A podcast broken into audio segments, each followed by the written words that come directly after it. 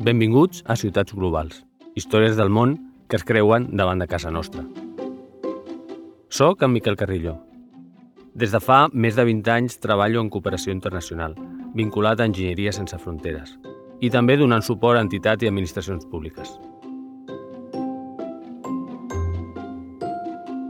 Quan parlem de cooperació internacional, no acostumem a pensar en els nostres pobles i ciutats, ens imaginem que és una feina en mans d'ONGs, de l'Estat o de la Generalitat. Però els municipis són una peça clau per aconseguir la justícia global a tot el món.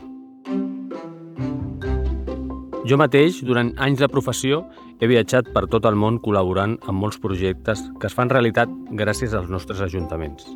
I a través d'ells he conegut històries increïbles de gent compromesa amb la vida dels altres i amb la salut del planeta gent que cuida de comunitats perdudes en els confins de la Terra o dels seus veïns més propers. Ara us vull explicar les seves històries en aquest podcast, perquè crec que les seves vides ens poden ajudar a tots a entendre el perquè de tot plegat. Això és Ciutats Globals.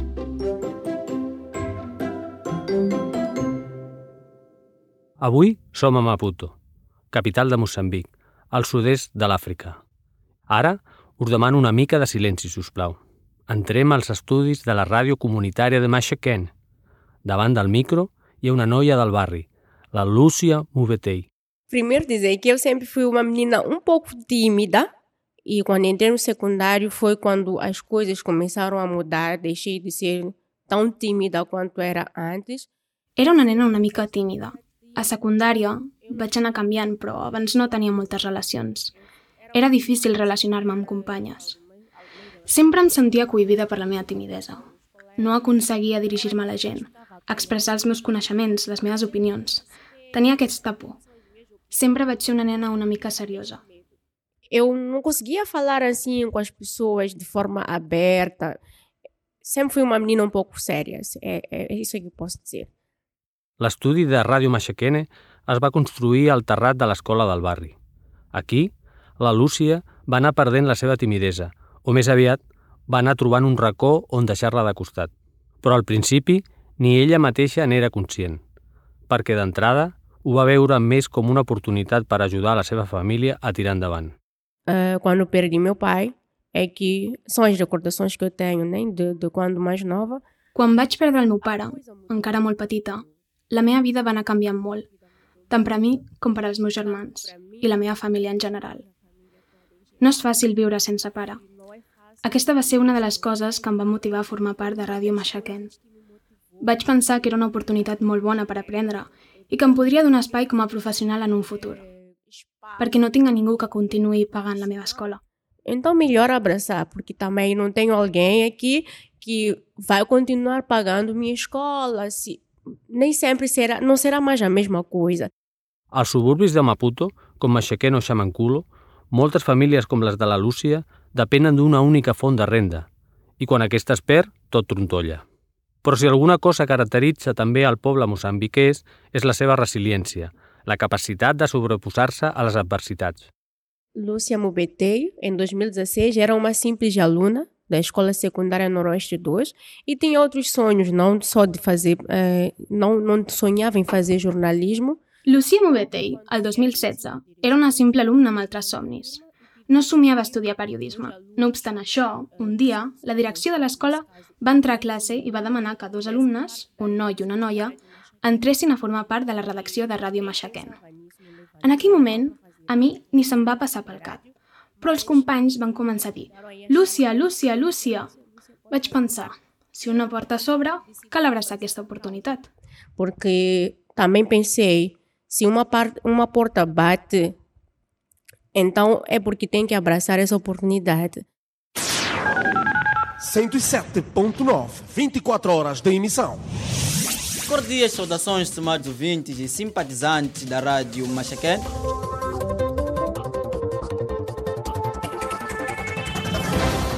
No âmbito da abertura da primeira sessão ordinária do Conselho Nacional de Ensino Superior, o Ministério da Ciência e Tecnologia, Ensino Superior e Técnico Profissional i així, gairebé sense saber-ho, la Lúcia començava a escriure la seva pròpia història, a sentir que ella era capaç de molt més del que havia imaginat.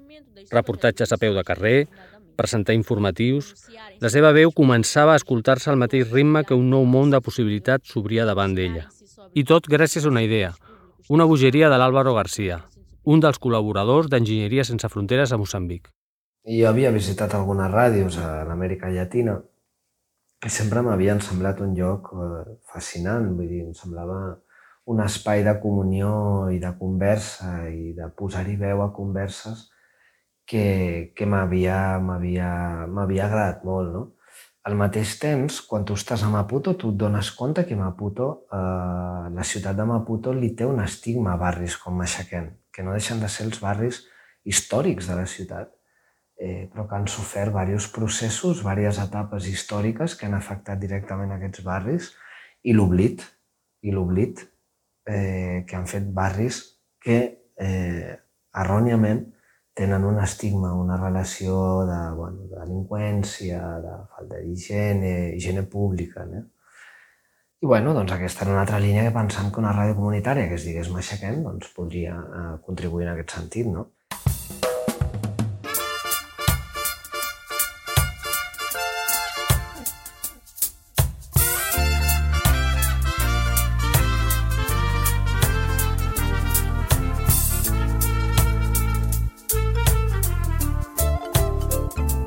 Maputo és una de les ciutats més sorprenents de tot el continent, amb un llegat arquitectònic portuguès increïble. Una mena de postal aturada en els anys 70, quan es va desempallegar del domini colonial. He estat en altres grans ciutats africanes, però cap s'assembla a Maputo, amb les seves avingudes plenes de càcies i els edificis Art Deco que miren cap a l'estuari. Recordo que també em van impressionar els carrers perquè tenien voreres perfectament construïdes, com a qualsevol ciutat europea. Vaig disfrutar molt de llargues converses en cafès deliciosos i en tinc un gran record. Jo treballava amb enginyeria sense fronteres en barris on la vida no és tan elegant. Des d'aquestes zones suburbanes es veu el que allà anomenen la Cidade de Cemento, la ciutat de ciment, com un símbol de les injustícies que es concentren en una mateixa metròpoli.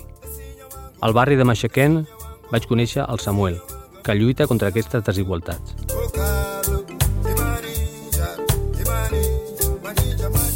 O distrito em si todo, o distrito municipal Camachaquén, por estar conectado diretamente muito perto da cidade, da cidade grande, principalmente do bairro. El Samuel m'explica que el districte de Machaquén està molt connectat i és molt proper als barris econòmics de la ciutat i per això pateix una gran pressió pel propi creixement de la ciutat. És una zona molt interessant pels inversors immobiliaris, que volen especular amb els terrenys d'aquestes zones i expulsar els ciutadans locals que viuen tan a prop de la zona comercial. O espaço nesta zona e retirar as pessoas nativas nesta, nesta, nesta zona, por estar essencialmente conectada à cidade ou à zona comercial.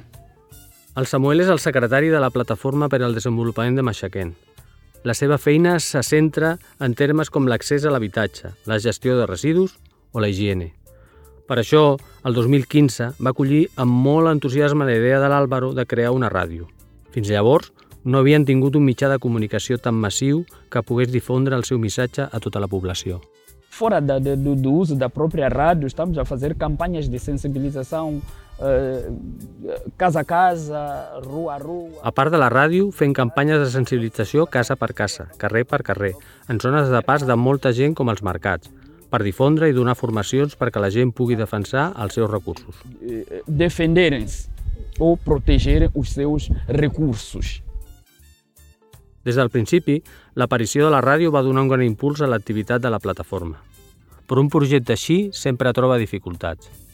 El Samuel m'explica que durant un període el govern els va retirar la llicència de la seva freqüència de ràdio i van haver d'inventar un nou format fora de l'estudi per apropar-se als ciutadans. Ràdio Machaquén traz para si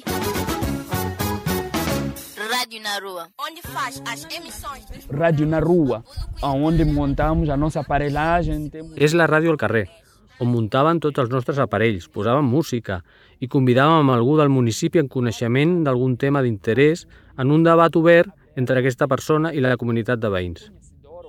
Era un intercanvi perquè la gent pogués entendre les coses de forma més clara i hi hagués una relació directa amb les dues parts. para que as coisas fiquem um pouco mais claras, com mais conhecimento em ambas as partes. Apropar-se als seus veïns és la base de qualsevol ràdio comunitària. I per ser el màxim de divulgatius possibles, amb Aixequent es transmet en portuguès i en diferents idiomes i dialectes locals. Ara us presento el Mateus, el cap de programació de la ràdio. Ell no havia fet mai res semblant, però ara és un dels creadors dels programes que tenen més èxit, com per exemple una radionovela de ficció. Acompanhe já a novela radiofônica Mafumela Manene. Capítulo 1 Nem me fales, amiga. Hoje na sala só estava a chover negativas. Tu que tiveste sete, valeu. A radionovela sentimos que é um, é um instrumento muito forte. Diu el Mateus que la radionovela és una de les eines més potents per aconseguir els seus objectius, que és informar a la societat sobre diverses temàtiques. Ells senten que abordar segons quins temes a través del debat pot ser complicat per a alguns dels seus oients. Eh, os temas ou uh, os assuntos em forma de um debate que em algum momento pode acabar ser cansativo para quem nos ouve. Então, uma radionovela...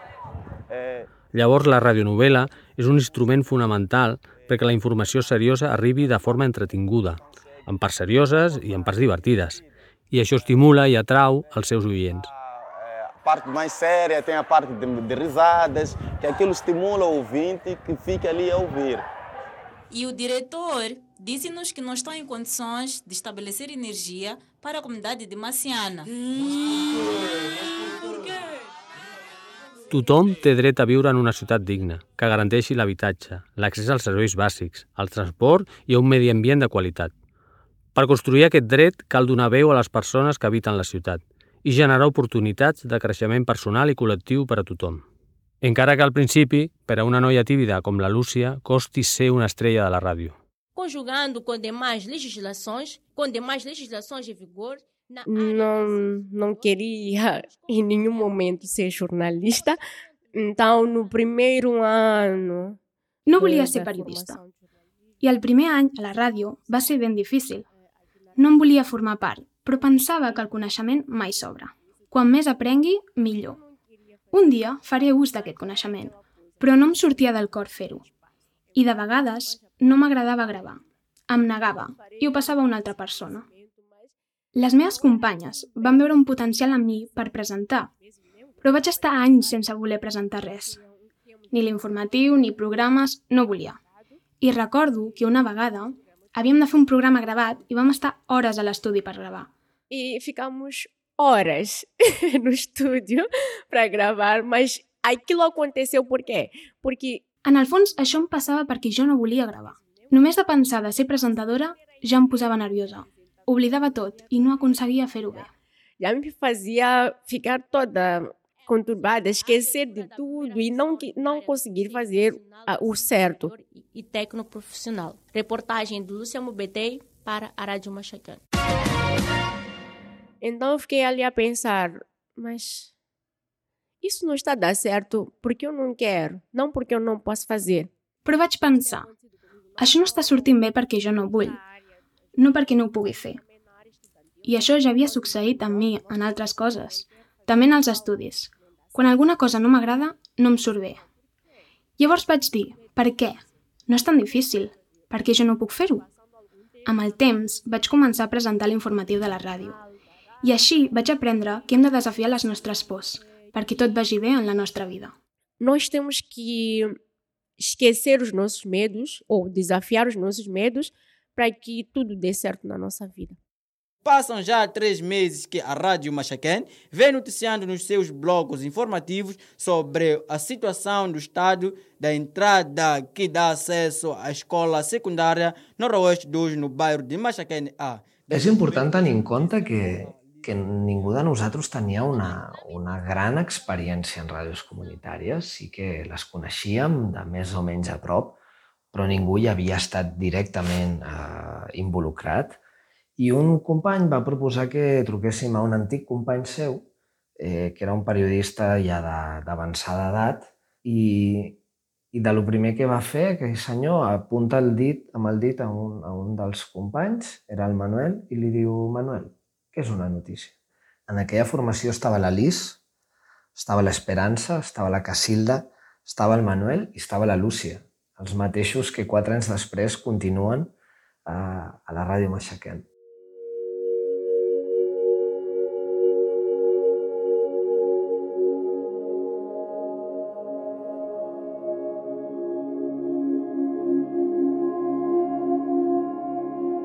La Lúcia, tu quan la veies treballar, calladeta, eh, molt jove, jo crec que era la més jove, jo crec que era menor d'edat quan va entrar a la ràdio, de fet estudiava a l'escola on, on, on està la ràdio, no?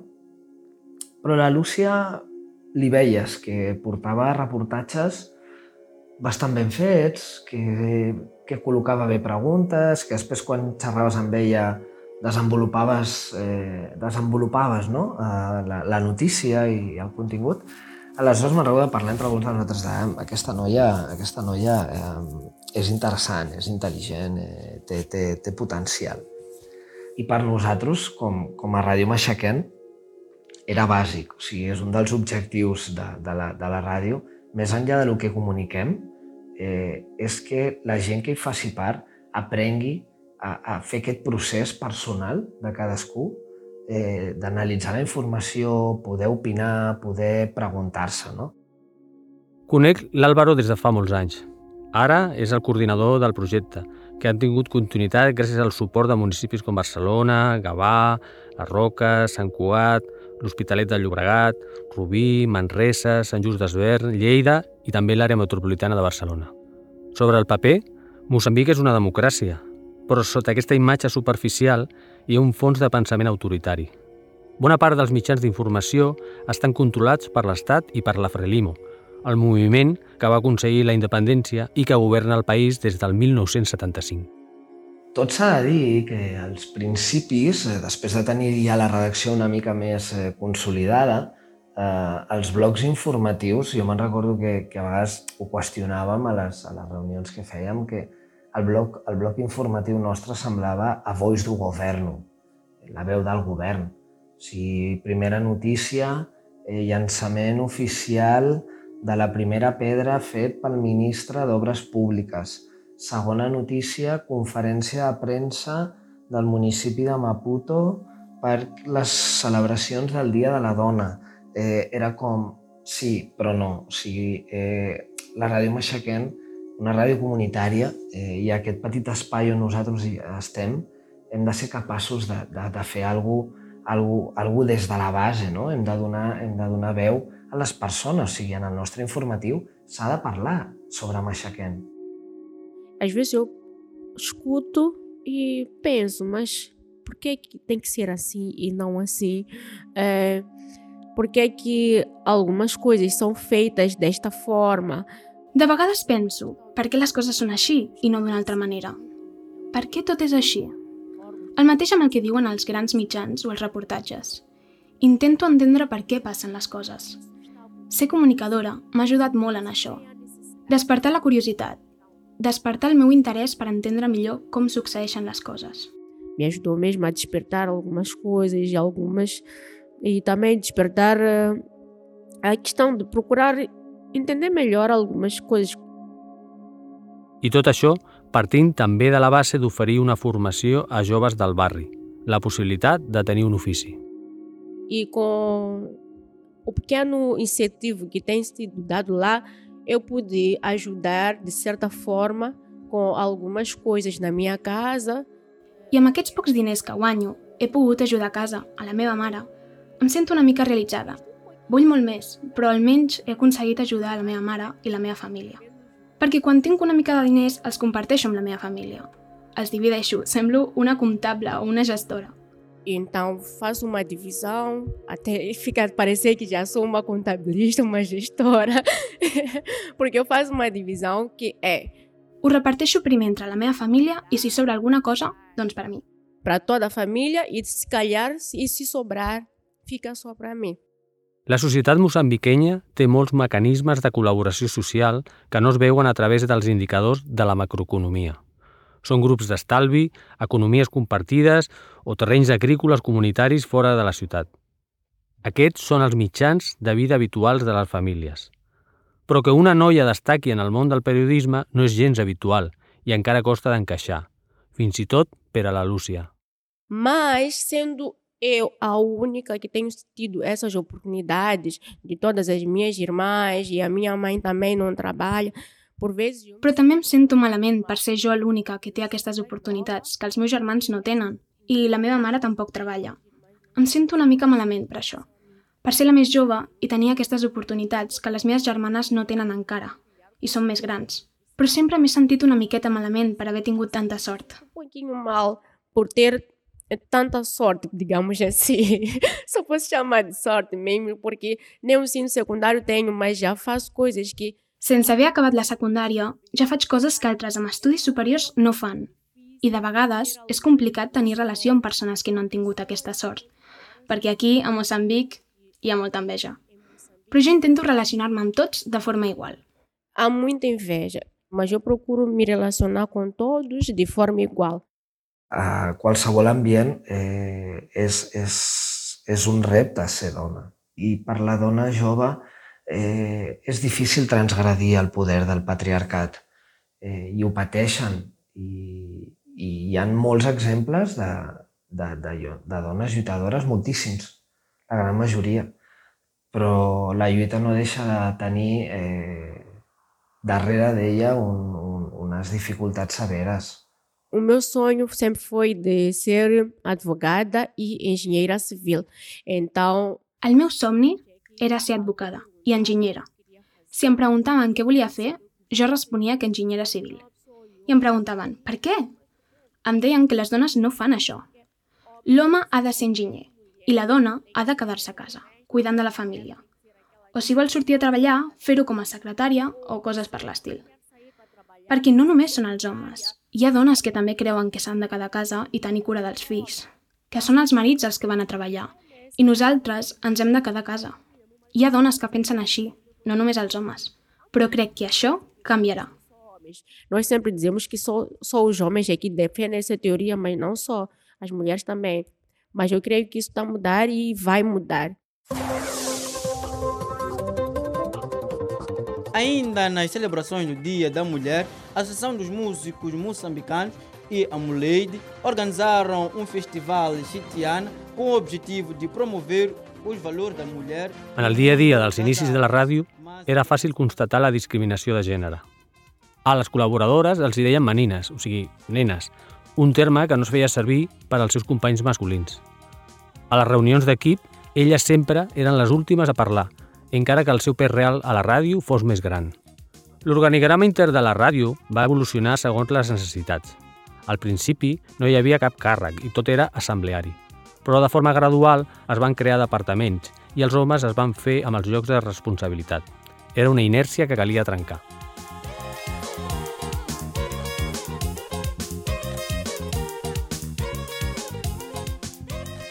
A mulher, muitas das vezes, é que ela que é limitada a opinar, ela não tem direito à palavra. La dona està molt limitada. No només a nivell financer, també a l'hora de donar la seva opinió. No té dret a paraula en les reunions familiars.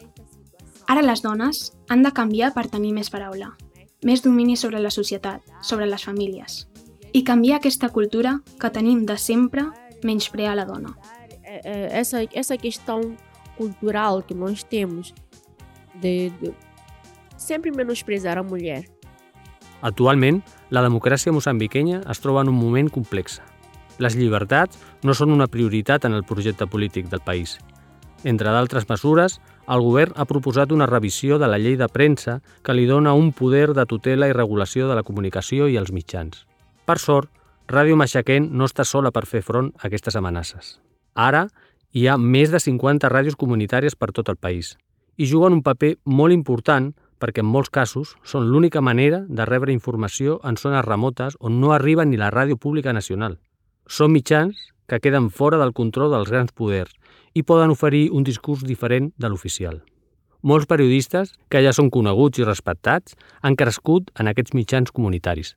Como jornalista, eh, eu creio que o que nós devemos fazer é continuar a Com a periodistes, hem de continuar fent arribar la informació a les famílies, perquè al nostre país molta gent, principalment les dones, no tenen accés a la informació.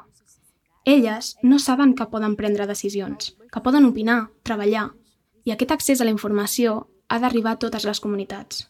Totes han de tenir aquesta informació, ja sigui de forma oral o escrita. La informació podrà fer que la mentalitat de tots nosaltres canvi. Sempre tem que ter informação e essa, essa informação é que fará com que a mentalidade de todos nós mude. Dóna gust sentir la Lúcia, oi?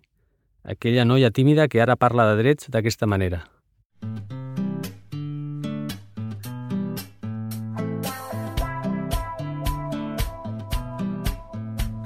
Quem dera ganhar um pouco mais, viajar para Paris. Passeio bué, monta bué, conhecer a torre, enfim. Moçambic és un país jove, amb ganes de traçar el seu camí, d'estudiar, de treballar, de desenvolupar les seves capacitats i contribuir per al benestar dels seus. Espais com Ràdio Maxaquene permeten l'aprenentatge col·lectiu i individual, així com entomar la responsabilitat de construir llibertats, començant pel dret a la informació i l'opinió. I tot això pot començar per la transformació de les persones que poden ajudar a construir el Moçambic del futur. Algumas pessoas que me pararam na rua para me perguntar alguma coisa ou tivemos... Algunes persones em paraven pel carrer per xerrar o conversar i sempre preguntaven Ets periodista? Et dediques a la comunicació? Eu até às vezes me punha a rir porque às vezes nem queria dizer. I de vegades em reia perquè no volia dir que sí, però em sentia obligada a dir que sí, a dir que formo part d'un mitjà de comunicació i que sóc periodista. Que fazia parte, sim, de um órgão de comunicação social e que era jornalista.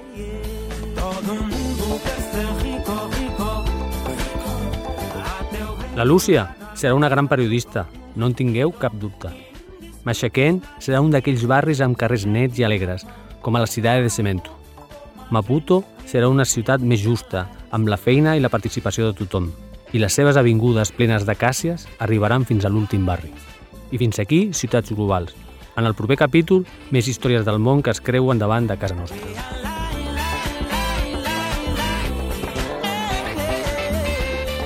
Reportagem de Lúcia Mubetei para a Rádio Machaquene.